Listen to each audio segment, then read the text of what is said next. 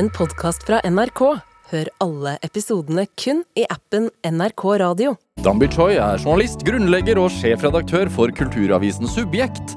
Choi er tidligere DJ og norgesmester i streetdance, og startet Subjekt for ti år siden. De fire siste årene har avisen dobla omsetning og stab, og blir stadig hyppigere sitert. Og Choi selv er blitt en markant og tidvis kontroversiell stemme i den norske offentligheten.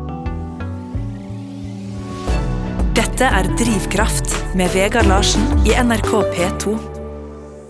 Dambi Choi, velkommen til Drivkraft. Tusen takk. Hvordan har du det? Jeg har det veldig fint. Det er um, stort sett uh, god stemning uh, rundt uh, alt jeg gjør. Venner og kollegaer og Ja, Støl etter uh, gårsdagens uh, subjekttrening. Ja, vi har jo et fotballag som heter uh, Subjekt IL, og uh, før det så hadde jeg attpåtil en uh, såkalt leg day på treningsstudio, så jeg er ganske støl i bena i dag. Leg day. Ja, det er sånn alle som trener, glemmer å trene bena fordi man liksom skal er, Man ser ikke de så godt, ikke sant. Så det er sånn Det er en sånn guttagreie at at man dropper bena, og da får man sånne stygge kropper hvor man er skikkelig tynn nede og skikkelig bøff oppe. Jeg er jo verken bøff oppe eller nede, men sånn er det. Ja, er det skal, skal se uh, og- ha riktig proporsjon. Ja, det er jo om å gjøre å ikke sant, huske eh, Det er sånn 'don't skip leg day', som er sånn der mantra, fordi at det, man glemmer liksom å trene bena. Det er jo om å gjøre å være litt balansert, da. Ja. Er det, er det også meningen til subjekt? Ja, på lederplass mener vi mye om dette. Nei da. Nei, nei, Nei, men å være balansert? Ja, nå snakker vi om en slags sånn eh, vertikal eh, balanse. Eh, I pressen så snakker man jo ofte om en sånn horisontal balanse, i hvert fall sånn fra rød til blå, eller venstre til høyresiden osv. Og, så og ja, det er absolutt en, en eh, målsetting om det, ja. At vi ønsker å bidra til et meningsmangfold. Ja. Eh, og at vi er veldig obs på og oppmerksomme på at man husker å gi tilsvarsrett og alltid prøver å få den motsatte siden i tale. da. Ja. Er det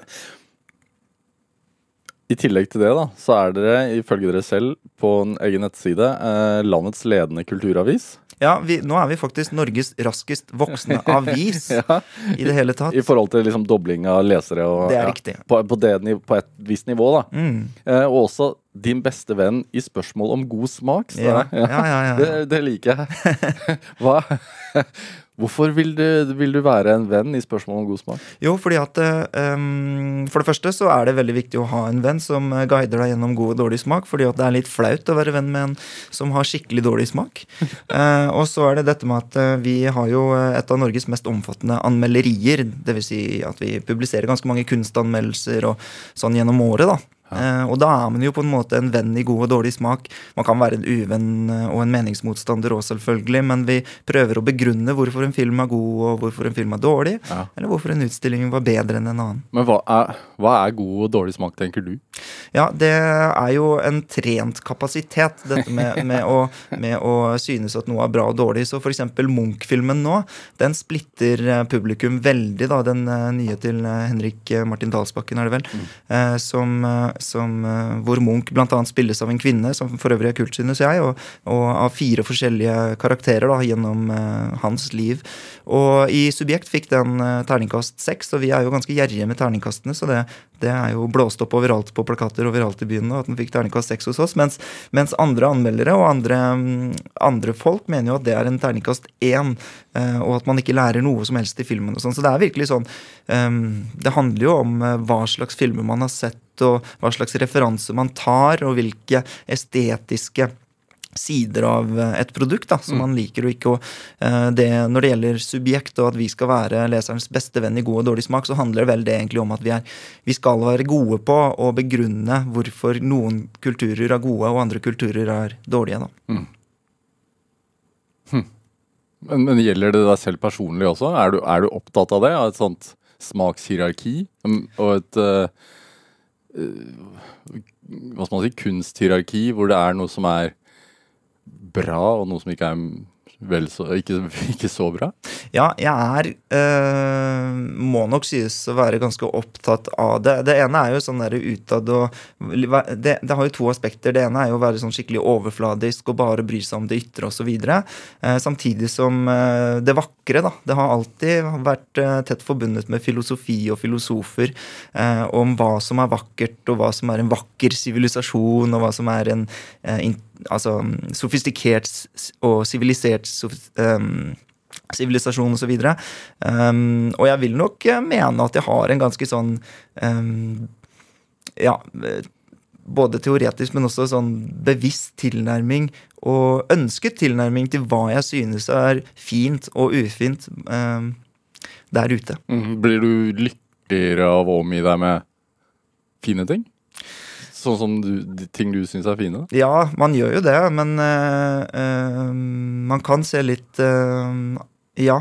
Og noen sett, liksom, man legger, altså Hva som er vakkert og ikke. Kan snakke, man kan snakke om kunstverk, men man kan også snakke om f.eks. om man syns monogami ikke sant, er vakkert, eller om det ikke burde være sånn, som noen moderne filosofer mener. Um, ja, nei, jeg, jeg, det, det, ene er at man prøver å omgi seg med det som er vakkert. Og det, det, er det jo ikke noe objektivt svar på. Det handler egentlig bare om å argumentere best mulig for det. Når blir du rørt, da? Um, jeg tok nylig en sånn personlighetstest som, uh, som uh, Jeg blir ikke så ofte veldig rørt. Um, jeg, jeg, fikk en sånn altså Det var, en, det var sånn 11 000 ord, men sånn Det var en diss, nærmest, den personlighetstesten. Men, men uh, jeg fikk sånn jeg fikk, Hvorfor sånn, tok du det? Nei, nei, det var bare en sånn, masse venner av meg som tok den, så den her må du også ta, liksom. Ja, En sånn Big Five-test? Big Five-test. Ja, ja. Og det var jo Jeg fikk sånn eksepsjonelt lite snill. og sånn Og jeg er ikke så veldig følelsesdrevet, og det stemmer jo veldig om meg, da. Jeg er ganske sånn logisk og um, argumentasjonsdrevet, og så er jeg også dessuten ganske uh, men, men, jeg er rettferdig. Uh, jeg er mye mer opptatt av å være rettferdig enn snill, da. Så, så hvis jeg mener at noen fortjener uh, kjeft, f.eks., så har ikke jeg den snillismen i meg til å synes synd på folk og sånn. Så, så det, det, handler jo om å finne seg en vennegjeng hvor man har litt av hvert, da, sånn at, sånn at man sammen skaper en god dynamikk, men, men også at man heldigvis så er man ulike. Ja. Hvordan er det å lese om seg selv at man faller i kategorien lite snill? Ja, nei, jeg syns det var ganske um, treffende, egentlig. uh, nei, nei, nei, jeg mener det var ganske treffende. Uh, og, og, at jeg um, Jeg opplever jo meg selv som en som ikke nødvendigvis er um, Altså, all, alle disse skalaene eh, slår ut positivt og negativt, men det bare høres så ille ut når man, eh, når man eh, er lite snill, da. Men hvis man er veldig snill, f.eks. Jeg mener jo at snillisme er et stort problem i samfunnet, f.eks. Ja, hva er det for noe, tenker du? Eh, f.eks. Eh, hvis, man, eh, hvis man er for snill med ukulturer, da. Eh, hvis man eh, f.eks. Eh, tenker om en minoritet at en minoritet som er sterkt homofiendtlig, da. Men så er det en minoritet likevel. For eksempel så er eh, skepsis mot homofili veldig utbredt i religiøse miljøer, og særlig eh, muslimske miljøer. Mm. Og der finnes det masse hederlige unntak eh, og mange progressive muslimer osv. Men hvis man er for snill da, med, med visse kulturer, så kan jo det så kan jo, Da er man ikke så god på å fortelle at det brenner hvis det brenner noe sted. Eh, og det er, ganske, det er ganske viktig for meg som journalist og redaktør også å belyse ubehagelige sannheter. Da. Mm. Og det slår nok veldig dårlig ut på en sånn snill skala. Jeg er ikke så snill, det er ikke så viktig for meg at det ikke skal bli bråk osv. Mm. Var det noen andre overraskelser i testen? Um, jeg um, Nei, jeg har, jeg har, høy sånn orderliness, uh, som er sånn uh, at det er ryddig og ordentlig rundt meg. Uh, nei, ingen overraskelser, egentlig. Jeg er jo kanskje, kanskje ganske selvbevisst. Ja. er det også opptatt av iscenesettelse? Um, altså Nei, jeg vil nok mene at Altså som Jeg vil nok mene at jeg er mest opptatt av å, å ha det pent og fint. og Eh, gøy. Mm. Så Jeg har sett bilder av eh, Jeg har ikke vært i Subjekts redaksjonslokale, men jeg har sett bilder av redaktørens kontor. okay. eh, det er et flott kontor. Ja, er det egentlig det? Det er et ganske sånn industrilokale som men, men, jeg er ganske fornøyd med, um, med, med hvordan det er innredet i hele lokalene våre i det hele tatt. Men det er et gammelt trykkeri som jeg synes er litt sånn det har en historisk verdi, da, fordi vi tross alt er en avis. Eh, holder til i en bakgård på Grünerløkka, og hvor, eh, hvor vi er tolv personer meg og mine fantastiske kollegaer som eh, jobber i det daglige med å Altså, vi skal jo tross Vi er jo en kulturavis, og vi skal jo mene hva som er pent og ikke, og sånn, så det hadde vært litt sånn eh, teit om vi ikke klarte å utvise en viss bevisst eh, holdning til god og dårlig smak selv. Um, og jeg tenkte ofte det at da jeg begynte i bransjen, holdt jeg på å si, at eh, jeg så på hvem som var kunstanmelder, og så tenkte jeg sånn Skal, skal han der fortelle meg hva som er stygt og pent? her, her, er det et marked å tette. Ja.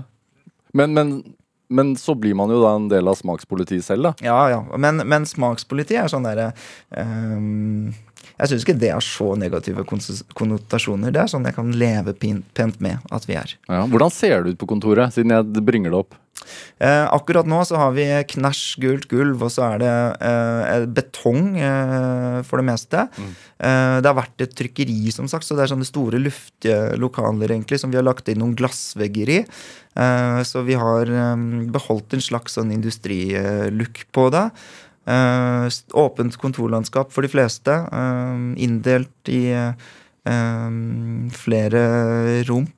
Men ja, det er stort sett Men nå er, akkurat nå er det ganske mye farger. Og kunst.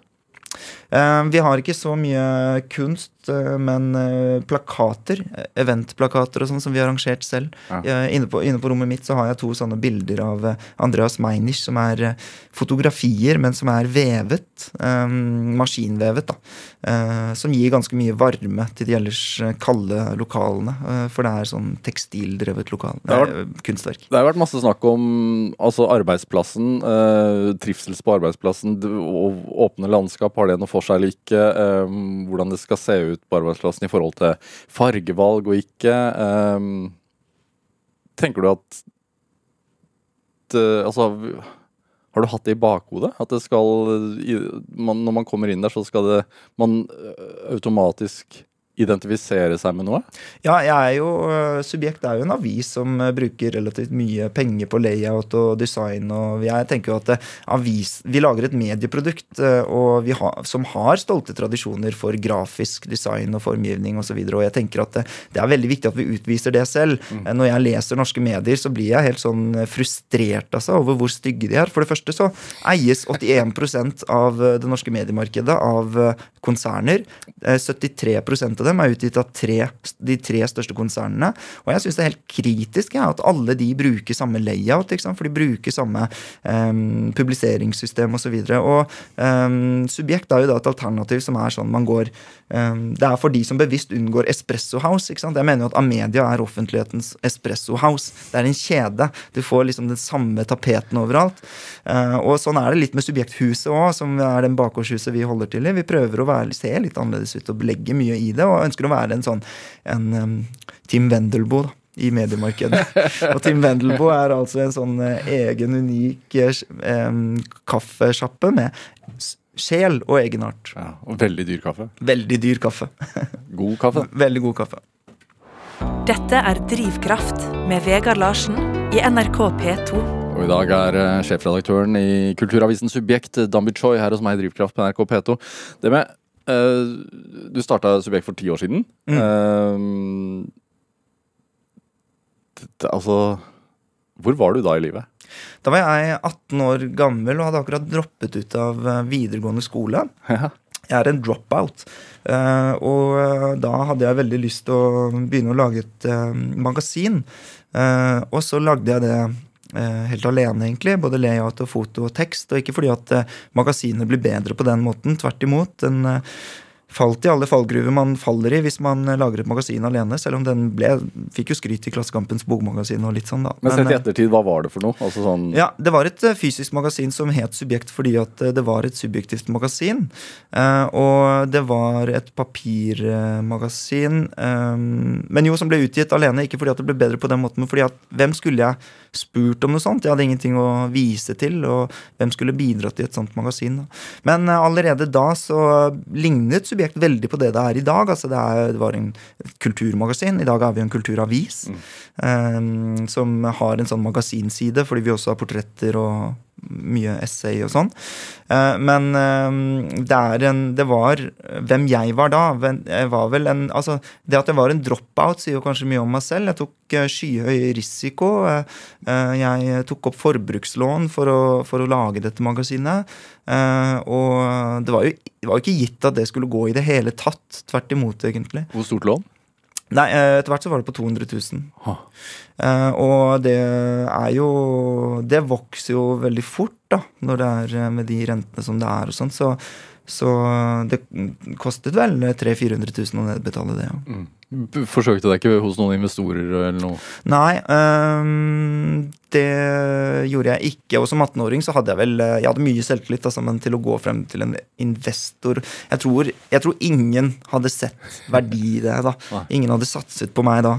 Det var egentlig ingenting å satse på. Jeg var eh, en eh, nobody. Og, um, eller vel, jeg hadde jo begynt å blogge litt i Natt og Dag og Smug og sånne kule På den tiden veldig kule musikkmagasiner. Eh, og da hadde jeg jo Så var magasiner unge mennesker skriver for å øh, komme litt opp og frem i medieverdenen, da. Ja. Egentlig. Har ikke du bakgrunn i Natt og Dag selv? Nei. Nei. Jeg har lest det. Ja. ja. Eh, men det er i hvert fall ganske mange fra min eh, Natt og Dag-generasjon som eh, har havnet i Morgenbladet og NRK og Aftenposten og det som verre er. nede. Mm. Hvorfor, hvorfor slutta du på skolen?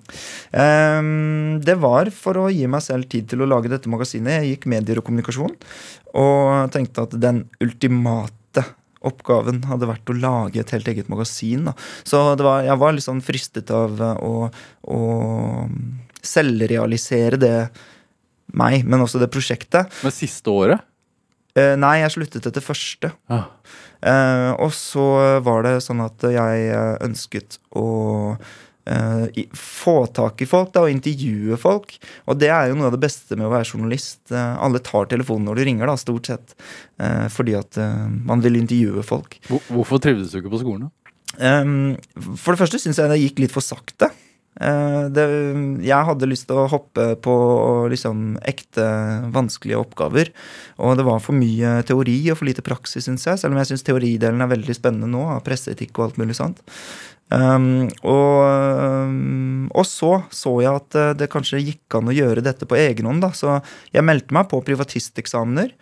uh, og tok eh, 13 eksamener på et eh, semester. eh, første halvår i andre klasse. Uh, Og det kan man gjøre, ikke en oppfordring, altså, men det går an å slutte. Man kan jo ta tre tredjeklasseeksamener på videregående som åtteåring hvis man vil. Det er bare å melde seg på. Og så hvis du består alle de 13 eksamene, så har du vitnemål. Uh, og det ble et Jeg klarte det, men jeg falt jo veldig mange karakterer ned i snitt. Men det var veldig verdt det, syns jeg. For da hadde jeg et magasinprosjekt å vise til etter at jeg var ferdig på VGS. Uh, aldri at jeg har brukt det til noe, bortsett fra å lage det, fortsette å lage det i media. Men var det en sånn autoritetsforakt, da? Ja, det også. Jeg var aldri noe fan av Jeg, var, jeg, har, jeg har hatt lite sånn uh, autoritetstro.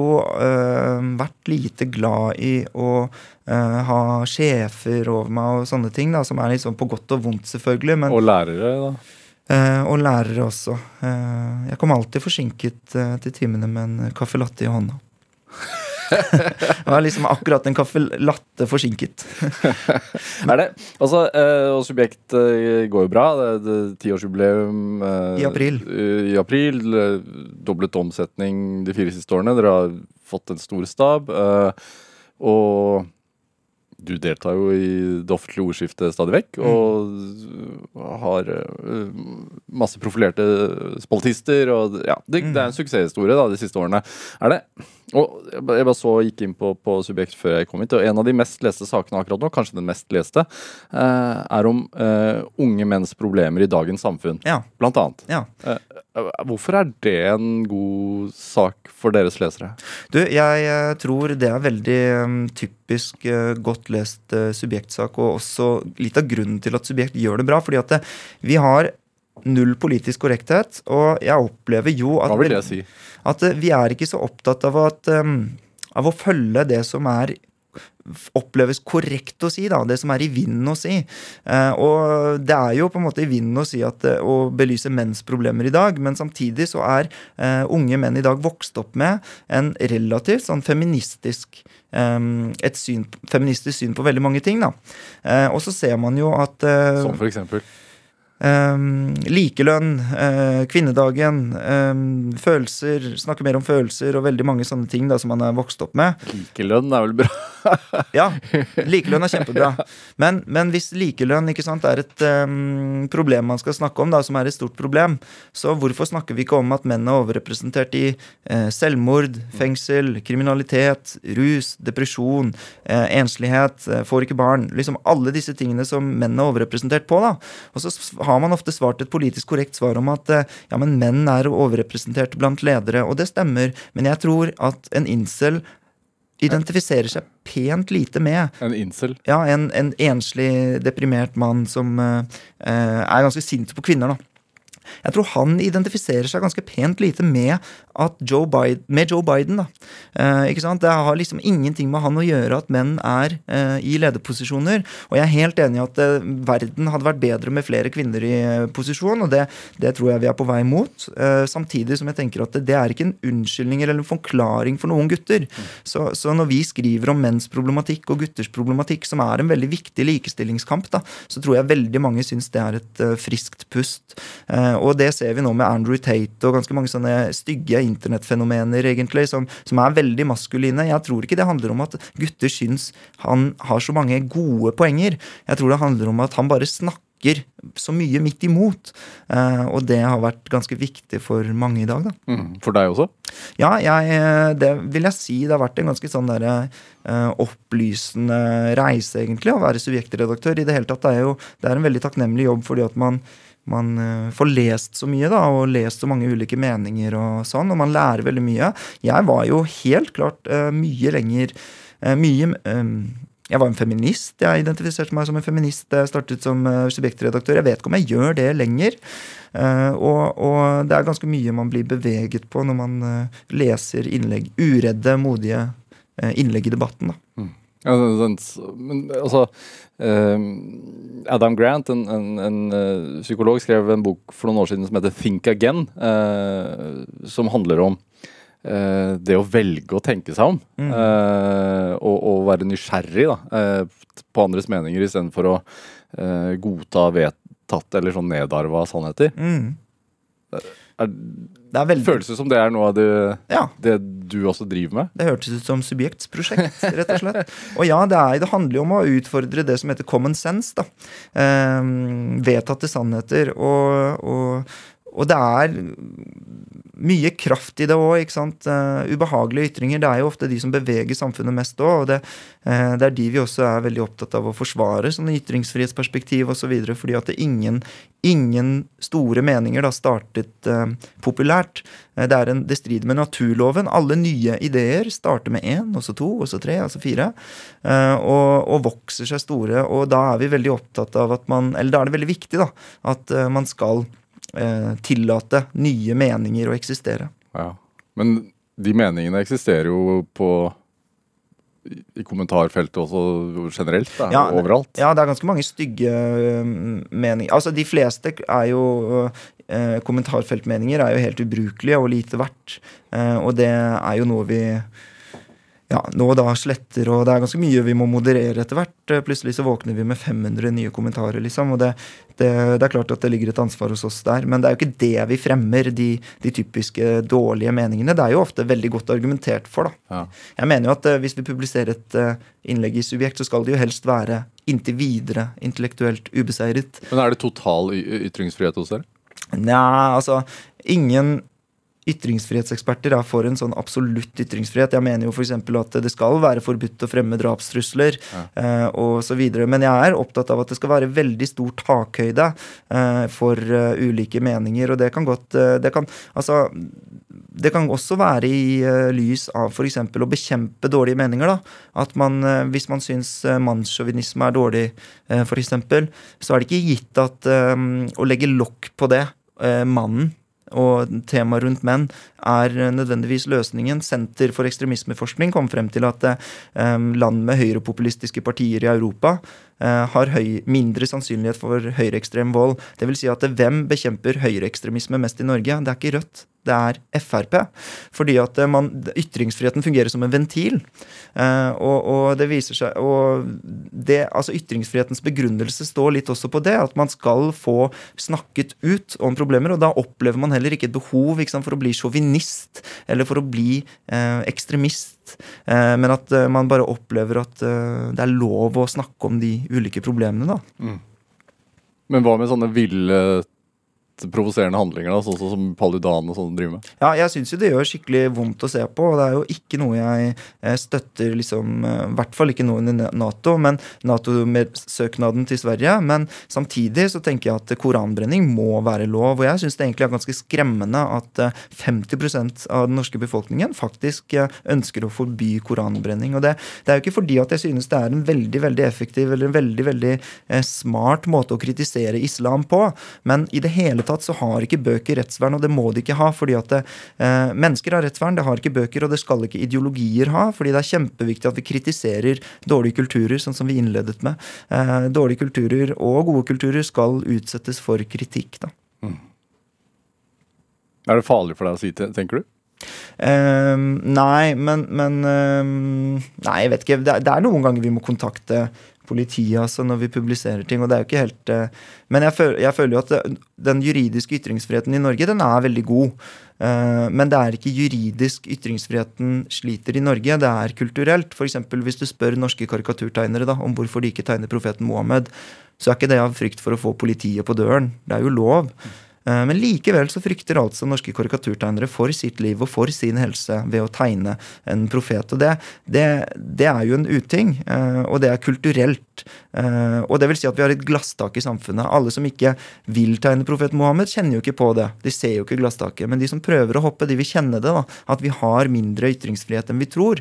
Og det er ikke bra, det heller. fordi at et vidt, vidd ytringsrom, det er veldig forutsettende for at uh, samfunnet skal utvikle seg. Men det er vel også en sånn nå skal ikke dette bli et debattprogram, uh, Danby, men som jeg merker Du er så vant til det, så man går inn Men, men er det uh, det kan jo også være av respekt. Også, norske avistegnere har jo gjort det, men uh, man kan la være av respekt fordi at noen kan føle seg tråkket på. Mm, mm. Uh, og det er jo en helt legitim og helt grei begrunnelse. Men når det ikke er det, og som vi vet at det også er, uh, av frykt at man ikke gjør det, så er det ikke nødvendigvis like bra. da. Så det er mørketall rundt dette også. Ja. Men samtidig som dere publiserer artikler med, med sterke meninger, så så er dere jo smaksdommere òg. Dere hadde nylig en sånn eh, svær sak hvor dere definerer den norske kultureliten, f.eks. Eh, mm. Med oversikt over de 100 mektigste i, i kultureliten i Norge. Riktig. Hvorfor det? Um, jeg syns jo det er litt gøy. Sånn I alle andre økonomiske tidsskrifter og aviser så har man jo ikke sant, Dette er de 500 mektigste. I Bloomberg 500 f.eks., eller eh, Kapital er også en liste over både med, de kvinner med mest makt osv. Um, og jeg ønsker jo at kulturjournalistikken skal dras litt ned på jorden, og, kultur, og at kulturjournalister veldig lenge har vært litt sånn lite opptatt av harde fakta og sånn, da. Mm. Uh, så um, det er en sånn scene i um, Juli Flåklypa Eh, hvor eh, hovedpersonen og redaktøren Frimann Pløsen opplever både opplagssvikt og journalister som sover mer enn de skriver. Eh, så får han en robotjournalist da, som skal løse hele problemet. Og den begynner å bli veldig sånn, krevende da, å stille bare masse irriterende spørsmål og gå helt berserk på kildene sine, rett og slett. Og han redaktøren prøver å få bukt med problemet, så han trykker på alle mulige knapper, og så finner han ut til slutt at å ja, jeg må stille den inn på kulturjournalistikkmodus. Og da er julefreden sikret, liksom. Og den joken går jo ut på at liksom, kulturjournalister de stiller liksom ikke kritiske spørsmål, og de er venner med kildene sine osv. Og, så videre, og, så og vi, vi, ønsker å være en sånn avis som, som ja, egentlig eh, tar økonomijournalistikk-energien inn i kulturlivet. Og jeg tror at eh, sånn må journalister være for å ha kulturlivet på tå hev. Eh, for at kulturlivet og den norske kulturen skal være god, så må journalister, også kulturjournalister, tørre å stille kritiske spørsmål. Men hvorfor higer du selv etter den makten, da? Eller den definisjonsmakten? Um, altså, jeg er jo Jeg har jo sterke meninger, ikke sant. Så noe av det beste med å være redaktør uh, er jo å få kunne påvirke samfunnet, og, og i den retning man ønsker. Og det er jo det alle redaktører og politikere og sånn vil. Uh, og det er jo ofte fordi at man har en overbevisning om at uh, sin forståelse av løsninger og problemløsninger er, eh, er den beste, da. Og da er det rett og slett eh, å bruke det frie ord og, og bidra til eh, det som er den, ja, den mest effektive og greie måten. Kunne du blitt politiker, tenker du? Nei, jeg har skikkelig lite lyst til å bli politiker. Jeg mye, liker meg mye bedre som uh, vaktbikkje, men jeg kunne sikkert gjort det. Jeg har en sånn personlighetstype som, som ligner og minner om politikere, men jeg liker meg mye bedre i medieverden og i presseverden. Jeg syns det er en utrolig spennende bransje. Ja. Hva tenker du om oppmerksomhet? Um, altså, som subjektredaktør er, er Som menneske? Å ja, ja. Nei, ja, som menneske. Altså, man må jo være litt sånn prisgitt og øh, tåle å stå i stormer og, og og, søke oppmerksomhet. Jeg må fortelle en litt morsom historie, fordi jeg er jo god venn med Sofie Elise og Nora Haukeland og mm, Marius Borg og Høiby og sånn. Altså, det er noen av vennene mine, og de ehm, de er jo ikke sant, veldig i ly, presselyset og sånn. Men hver gang vi har gjort noe rart, da, og så kommer det i pressen, gjort noe rart og gjort noe rart, vi har vært et eller annet sted, så, så står det alltid sånn Dagbladet ikke lykkes med å få kontakt med Marius Borg Høgeby. Ikke lykkes med å få kontakt med Sofie Elise Isaksen. Ikke lykkes med å få kontakt med Nora Haukeland. Og så kommer jeg og bare preiker og preiker ut. ikke sant? Og de syns jo jeg er den mest sell-out, og jeg syns det er et litt morsomt paradoks, fordi de er jo liksom influenserne, nærmest. Uh, og det har jeg liksom smakt litt på. Da er jeg liksom den mest um, PR-kåte fyren Ja. i vennegjengen av Sofie Elise og meg. Ja, er, er det det? Ja, jeg er kanskje det. Og de syns jo jeg er liksom PR-kåt og, og um, litt sånn teit. Da. Og det er jo og det er jo også et paradoks. Det er at Nora og reality-deltaker og influenser Nora og Sofie Elise Isaksen, de mener jeg sitter for mye på mobilen, og det er litt morsomt, syns jeg. Du sitter mye på mobilen. Jeg sitter mye på mobilen til helt til siste sekund her i studio. Ja, faktisk.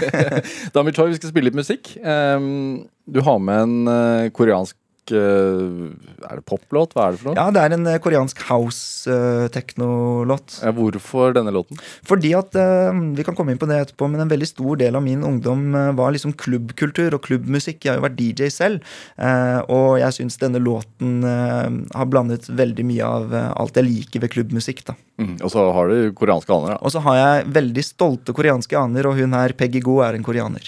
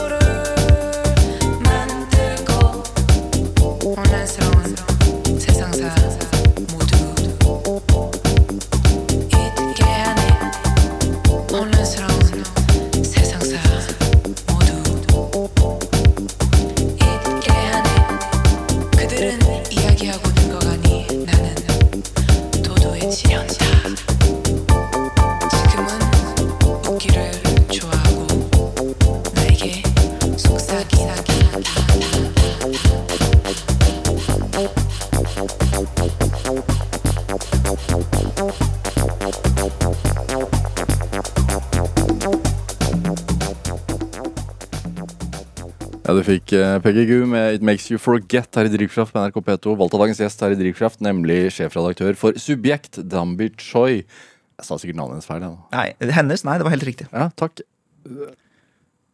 Også, Rett før vi spilte sangen, sa du jeg sitt, satt på mobilen til siste sekund før vi gikk på lufta. Første du gjorde da låten kom på, dra opp mobilen, skrive en eller annen tekstmelding eller et eller annet notat, Riktig. og så scrolle. Ja.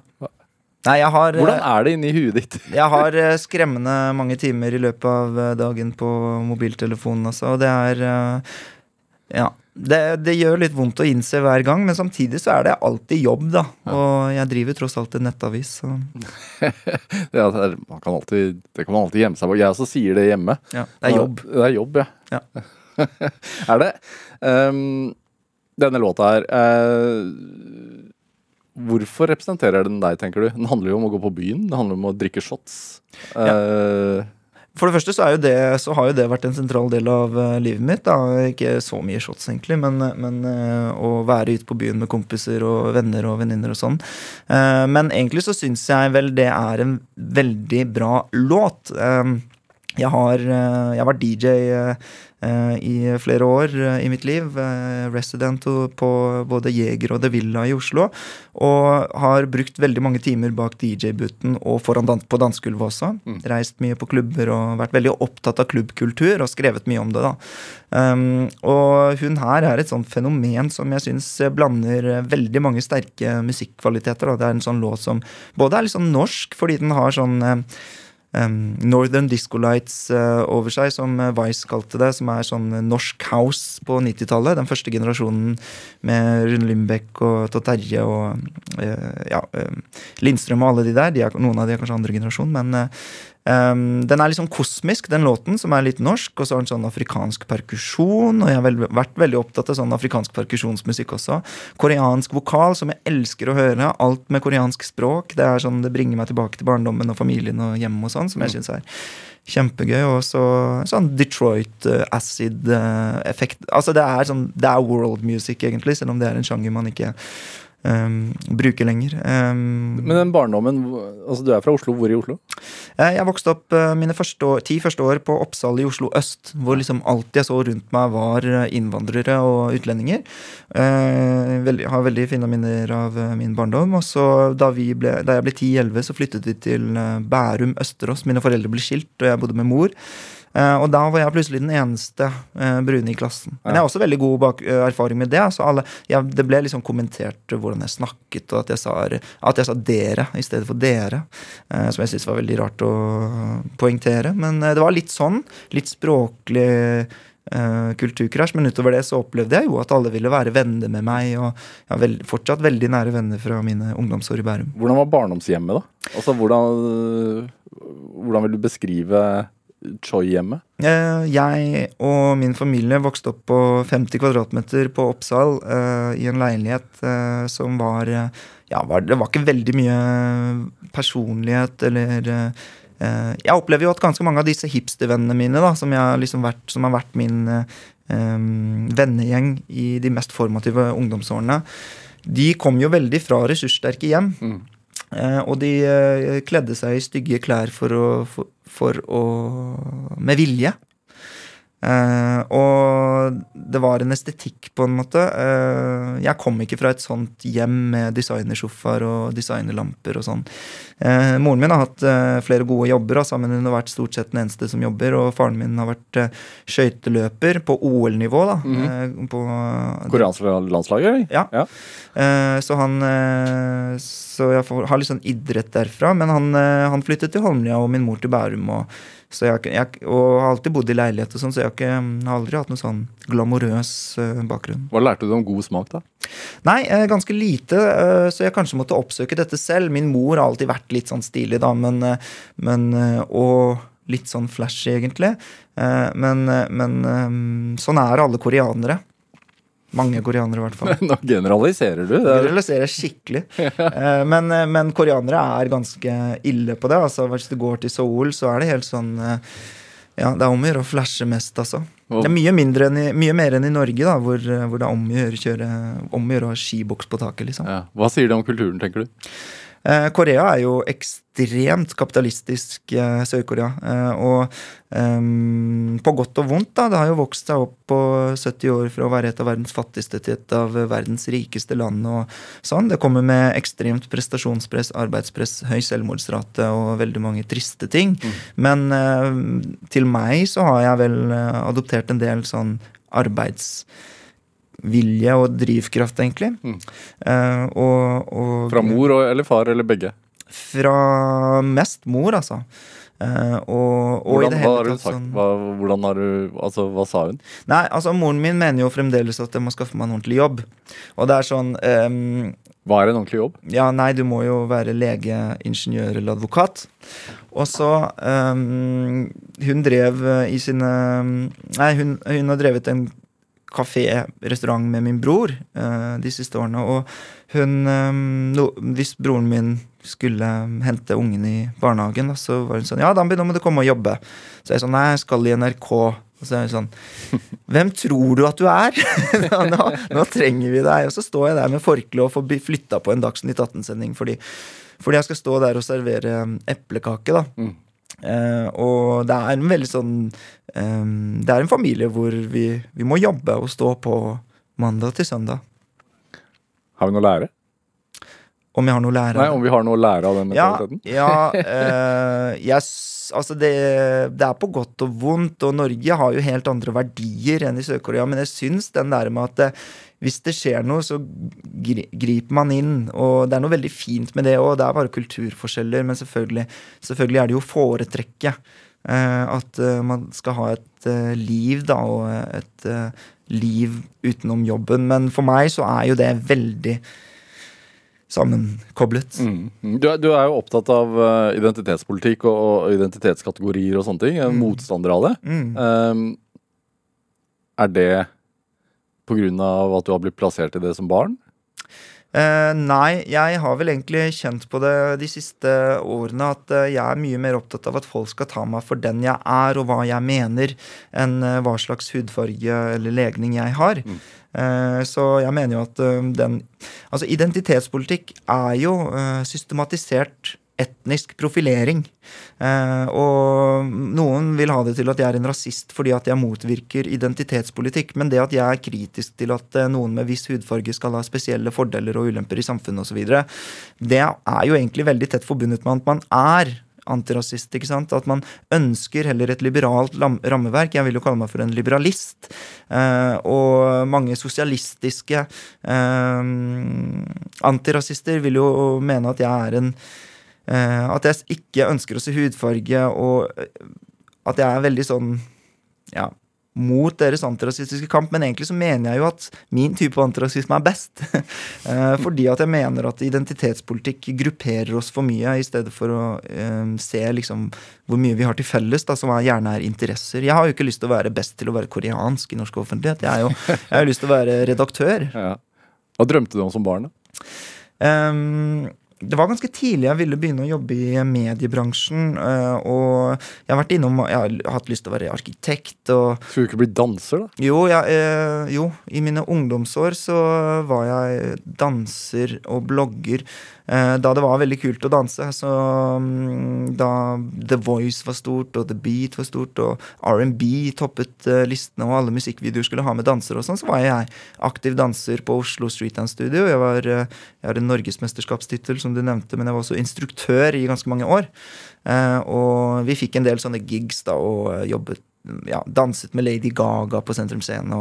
Hva skjer med deg når du danser? da? Eh, nå danser jeg jo fortsatt mye, men stort sett etter midnatt og i helgene. Men eh, det er en kunstform jeg Altså, jeg, jeg mener, jeg danser ikke som kunstform lenger, men det er en kunstform jeg setter veldig stor pris på hvis jeg går i Bærum kulturhus hvor det vises mye dans, eller på eh, Dansens hus eller noe sånt, så, så ser jeg på det som en eh, kunstform hvor eh, hvor utøverne må ofre veldig mye. da. Hvis du er maler, så lever jo maleriet sitt eget liv, på en måte. Men eh, hvis du Og hvis det er dårlig, så er det på en måte Ja, maleriet er dårlig, men hvis du faller på scenen da, som danser, du legger veldig mye i det. Mm. du risikerer veldig mye som danser også, fordi jeg har kjent på nerver selv før jeg går på en scene osv. Så, videre, så så det er kanskje det jeg ser, da. Det er åndelighet, da. Det er mye åndelighet, og jeg er jo en relativt åndelig person. Jeg setter veldig stor pris på kunstneriske verk. Mm. Tenk på Korea, fordi du sier at du er en stolt uh, koreaner. Tenk på Sør-Korea um, har en veldig spesiell historie. Det ligger jo der det ligger, mellom Japan og Kina, med Nord-Korea som nabo. Um, ble egentlig demokratisk først i 87, eller noe sånt. Um, du er jo opptatt av ytringsfrihet. Mm. Er det Har det noe med det å gjøre? Altså sånn den der mentaliteten som sørkoreanerne har? Altså, jeg tenker på Mye av kunst fra Sør-Korea de siste årene er jo, handler jo ofte om det, og det handler om den derre øh, Det å ligge der med liksom terror som nærmeste nabo, da. Mm. Uh, alltid atomfrykt, alltid Mm. i et maktpolitisk sentrum. Det er jo innenrikspolitikk for dem. ikke sant? I Norge så snakker man ofte om disse tingene som utenrikspolitikk, eh, og det i seg selv gjør at det ikke er så nært. Men, eh, men i det hele tatt så har man jo Nord-Korea som naboer, så alt av f.eks. ordninger eh, for kunst og kultur, det, eller når det gjelder popkultur osv., er veldig sånn privat betinget og sponsorbetinget. Um, så hvis eh, man hadde foreslått i Sør-Korea at man skulle fått et kulturråd eh, som skal være så stort og liksom eh, Ja, den eh, utrolig gode kunstneriske ordningen, kulturpolitiske ordningen vi har i Norge, så tror jeg de hadde ledd av det. Altså, fordi at ja, stikk tilbake til Nord-Korea, liksom. Her skal kunsten være fri. Eh, og eh, som sørkoreaner så har jeg jo eh, liksom vært interessert i hva slags bakgrunn mine foreldre har, og alt mulig sånn, som har gjort at jeg har lest meg veldig mye opp på historien. Og kommunist er jo på en måte det siste man vil være. sant? Eh, og så har jeg etter hvert liksom mer og mer Altså, jeg var jo veldig rød i mine ungdomsår. Det var jo veldig vanlig. Uh, mange unge, de fleste unge i dag også er liksom veldig rød. Var det et opprør nærmest mot foreldrene? Nei, jeg, jeg tror ikke det var det. Fordi da hadde jeg ikke så veldig bevisst forhold til det. Jeg tror det var mest bare det å være norsk. Norsk ungdom. Mm. Eh, og så har uh, jeg etter hvert liksom blitt veldig Altså Liberalisme har jo et sånn imageproblem. og Jeg er jo ikke så veldig markedsliberal, jeg er mest sånn verdiliberal. Ytringsfrihet og demokrati og frihet osv. Så, videre. så jeg er mest sånn um, Men det kommer nok eh, Det har nok støttet seg litt på min sørkoreanske identitet sånn litt. Fordi at det, uh, koreanere, sørkoreanere, er veldig ja eh, liberale. Mm. Og antageligvis uh, med litt autoritetsfobi, da. Ja, men, men dessverre så er det sånn at eh, autoritet burde jo svares med liberalisme, men ofte så svares det med en annen autoritet. Så liksom det konservative partiet i Eller høyresiden er ikke så veldig liberal i Korea heller. Den er eh, autoritær den andre veien. Eh, og hvis du skal svare på f.eks. Nord-Korea, som er et veldig autoritært land, så må de jo svare med eh, en annen militærmakt. ikke sant? Og det Sør-Korea er en veldig sterk stat, og veldig sånn våpensterk stat. Eh, kjempestort politi. Mm. Eh, så har du, men så har du også et kjempestor demokratisk vilje også. Da, altså, den opp- ultimate prøven på et demokrati er jo at man klarer å avsette sine egne presidenter, og det har de jo klart i flere omganger. Eh, og da ser du også enorme demonstrasjoner. Det var på et tidspunkt verdens største demonstrasjon da, da, da man krevde at Park Geun-hye, hun forrige mm, statsministeren, eh, skulle gå, da, presidenten. Eh, og da, ikke sant, Så alle fronter er kjempesterke, da. Den demokratiske mobiliseringsevnen er kjempesterk fordi at politiet er kjempesterkt på den andre siden, og militærmakten er sterk, og ikke minst de største private selskapene er kjempesterke. Så jeg er jo liksom Jeg er jo ikke bare sånn stolt koreanerliberal, jeg er jo også kritisk til hvor, hvor eh, store noen få er, og dermed bryter med liberale prinsipper eh, i Sør-Korea. Mm. Hva har foreldrene dine fortalt seg om oppveksten sin? da? De har veldig ulik oppvekst fordi at min far er 20 år eldre. Han, er, han ble akkurat 80 enn min mor. Eh, og um, han opplevde f.eks. Koreakrigen. Han opplevde et veldig fattig Sør-Korea. eh, og er veldig annerledes eh, fra hvordan norske foreldre har eh, ja, vært foreldre for mine venner. Hvordan da? Em, ganske mye mer bekymret og eh, redd for at folk har onde hensikter. eh, og, sant? Mye mer sånn fattigdomspreget. Em, mye reddere for at folk skal snike i køen, eller eh, sånne ting. Eh, mens man eh, Og ikke sant, i sånne land, da, eller med sånn oppvekst, så er man jo litt mer sånn I Norge så er man jo Man syns veldig synd på folk som har blitt lurt, da. Eh, og man synes om dem som lurer folk, at de er skikkelig eh, kjipe folk. Mens i Italia, eksempel, eller i Sør-Korea på den tiden, eh, eller min generasjon, fars generasjon, så er man veldig sånn Hvis du har blitt lurt, så er det du som er dum. Og det kan jo hende at eh, man da tar noen innersvinger, og da tar noen eh, Og eh, er oppmerksom og bevisst på noen mekanismer som gjør en eh, ja, eh, egnet eh, i konkurranse og sånne ting òg, da. Min far var jo dessuten eh, svært konkurranseinnstilt som eh, ja, Asiamester og eh, OL-deltaker i eh, lengdeløpsskøyting. Mm. Hva har du arvet av han i forhold til de kvalitetene? Um, han sa om meg at jeg kunne stå på skøyter før jeg kunne gå. Men jeg er, jeg er ikke noe veldig sånn uh, vintersportsmenneske. Men jeg har jo litt sånn vintersportsinteresser på grunn av han. Konkurranseinstinktet, da? Eh, og konkurranseinstinktet har jeg selvfølgelig fått uh, fra han også. Uh, og det merker vi også på kontoret. Det er veldig gøy, også, fordi vi er, vi er veldig sånn mål- og resultatorientert og veldig um, Vi skal mot det felles målet, da, så hele, gjengs, hele gjengen hos oss, mine kollegaer og hele subjekt, er veldig ja, innstilt på å vinne, da. Hva? Ja, Vinne hva? Vinne eh, i å være først ute. Ja. eh, vinne i å bli mest lest, og ganske mange sånne ting som jeg mener at ikke sant? Jeg mener at journalist, kulturjournalister har lenge vært uh, altfor lite opptatt av å jage klikkene, og jeg syns jo det er en veldig viktig del av journalisters jobb å gjøre det. Og man har tenkt at det er litt sånn teit og tacky og harry å være sånn, men, men journalistikk har jo helt siden starten handlet om å bli mye lest, og det er veldig viktig også. Hvis ikke så blir journalistikk også elitistisk. Det skal ikke være for de få, vi skal være for massene. Kunsten, da? Kunsten um, Ja, det er et veldig godt spørsmål. Og uh, jeg syns jo ofte at um, kunsten skal ha egenverdi, og det er ikke nødvendigvis sånn at alt kunst skal lages for alle, men det er heller ikke sånn at det, noen videokunstnere da, som f.eks. for eksempel ler av Hollywood-produksjoner og syns det er teit, og blockbuster osv., så, videre, så tenker jeg jo sånn, ja, samtidig så er det 300 mennesker som skal gjøre noe samtidig for at denne scenen på fire sekunder skal bli bra. Jeg syns det også kan være stor kunst. Jeg syns også Hollywood-produksjoner kan være fantastisk eh, bra eh, skapt, ikke sant, og menneskes, menneskers stolthet, da. Ja. Jeg ser jo på kunst som det folk, det romvesener hadde tatt med seg hvis de hadde landet på jorden. Eh, Danby Choi, du, du fremstår um, som ganske hardhuda. Mm. Er du det? Ja, Ja. det tror jeg. Og som redaktør så er man jo på toppen, da. Men hvem, hvem prater du med hvis du har en dårlig dag? Da? Ja, jeg er jo eier og har ikke noe styre og sånn, så, så det, det er på godt og vondt. Eh, De fleste redaktører Altså, et av de største problemene mot redaktørers ytringsfrihet er jo eierinvolvering, så jeg er jo heldig sånn sett. Som eier sjøl.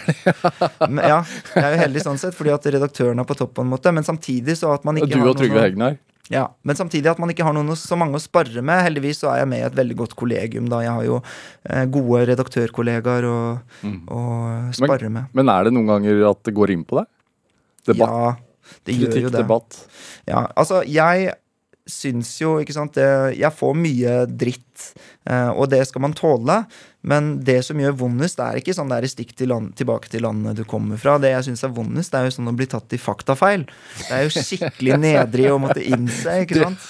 Det er verre. Ja, det er skikkelig ille, syns jeg, å liksom å måtte beklage. Den sitter langt inne, altså. Men, men, men man må jo det, da, å bli tatt i faktafeil. Så man blir vokser jo, og man blir jo litt large etter hvert. Og jeg gir meg altså, hvis, det, er- hvis jeg blir tatt på faktafeil. Men det syns jeg er vondt å innse. Men har du alltid vært hardhudet, eller er, det, er du født sånn, eller blitt sånn? Ja, si det. Um, jeg tror faktisk at det er ganske mye her i verden man kan bli. Uh, så um, Altså, da jeg var barn, så, ble, så husker jeg at jeg dro hjem til en kompis av meg, og så eh, sa jeg til foreldrene hans da, at jeg lagde mat hjemme selv, og da ble de veldig bekymret. Jeg var Barn, hvor gammel var du da? åtte år, kanskje. Ja. Og sto foran komfyren og mekket mat for meg selv. Jeg var kanskje enda yngre. Hvorfor gjorde du det, da? Nei, og da var det mye foreldre og mor som var på reise og jobb og sånn, da. Eh, Mest jobb. Eh, Og jeg var veldig måtte være veldig selvstendig. Eh, så om jeg er født sånn eller blitt sånn, så ble jeg sånn i hvert fall veldig tidlig. Ja. Eh, veldig selvstendig og med ønske om å gjøre ting selv. Eh, ikke alltid ønske, men kanskje jeg ble utsatt for det først, og så etter hvert så fikk jeg mersmak og ønske om det, da. Og, så det er en litt sånn Jeg tror også at man kan bli sånn, fordi at når det gjelder hardhudethet, så har jo jeg helt klart blitt mer hardhudet av å bli eksponert for så mye ja, kritikk og debatt og veldig mye sånt. Er det Høres litt ensomt ut. da. Ja, det er eh, ensomt, men en annen ting når det gjelder sparring, og jeg sitter på toppen alene og sånn, eh, ja, men jeg sparrer mye nedover, holdt jeg på å si. Det er utrolig fine og flinke kollegaer jeg har, og det, man tenker jo ofte at um, jeg, det er jo jeg som er ute på radiosendinger og på Drivkraft og snakker om meg selv og sånn hele tiden, men Subjekt er altså et prosjekt med tolv ansatte hvor de gjør så utrolig stor del av jobben, så den eh, kreden må de rett og slett få. Hva sier moren din da når du, står i vinden?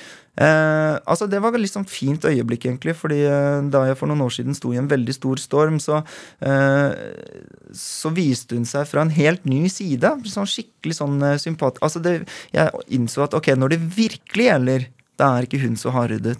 Og hun er også ganske hardhudet, skjønner du. Min eh, mor enda mer enn min far, og veldig sånn eh, hard fasade. Og da eh, åpnet hun seg veldig og var veldig snill med meg, og raus og liksom tolerant. Så jeg syns det var litt sånn eh, Det ble opplevd som en slags forsikring eller garanti. da, At hun, at hun hvis det virkelig brenner, så er hun der, liksom. Og det var veldig fint. Og jeg er nok litt sånn selv også. Dan Bichoy, hva tenker du er drivkraften din? Jeg ble jo invitert til å være med på det programmet her som heter Drivkraft, og jeg vet at jeg blir stilt det spørsmålet på slutten, men jeg klarte altså likevel ikke å koke det ned til eh, noe skikkelig bra. Men det er noe Det handler nok mest om at um, jeg ønsker å endre samfunnet uh, i en mer uh, liberal og demokratisk retning. Eh, og, eller det er bare min overbevisning, ikke sant? det er jo ikke så viktig. Uh, drivkraften er rett og slett at uh, jeg ser at å drive en avis med så flinke kollegaer er veldig givende og motiverende og meningsfylt. Så det at jeg finner mening i arbeidet, er min drivkraft. Tammy Choi, tusen takk for at du kom hit til Drivkraft. Takk for meg. Hør eh, flere samtaler i Drivkraft på nrk.no, eller i appen NRK Radio. Eh, Produsent i dag det var Kjartan Aarsand, mens eh, Camilla Bolleng Muir bidro med research til denne sendinga. Her i P2 får du nå Dagsnytt. Men dette, dette var Drivkraft. Jeg heter Vega Larsen. Vi høres. Du har hørt en podkast fra NRK. Hør alle episodene kun i appen NRK Radio.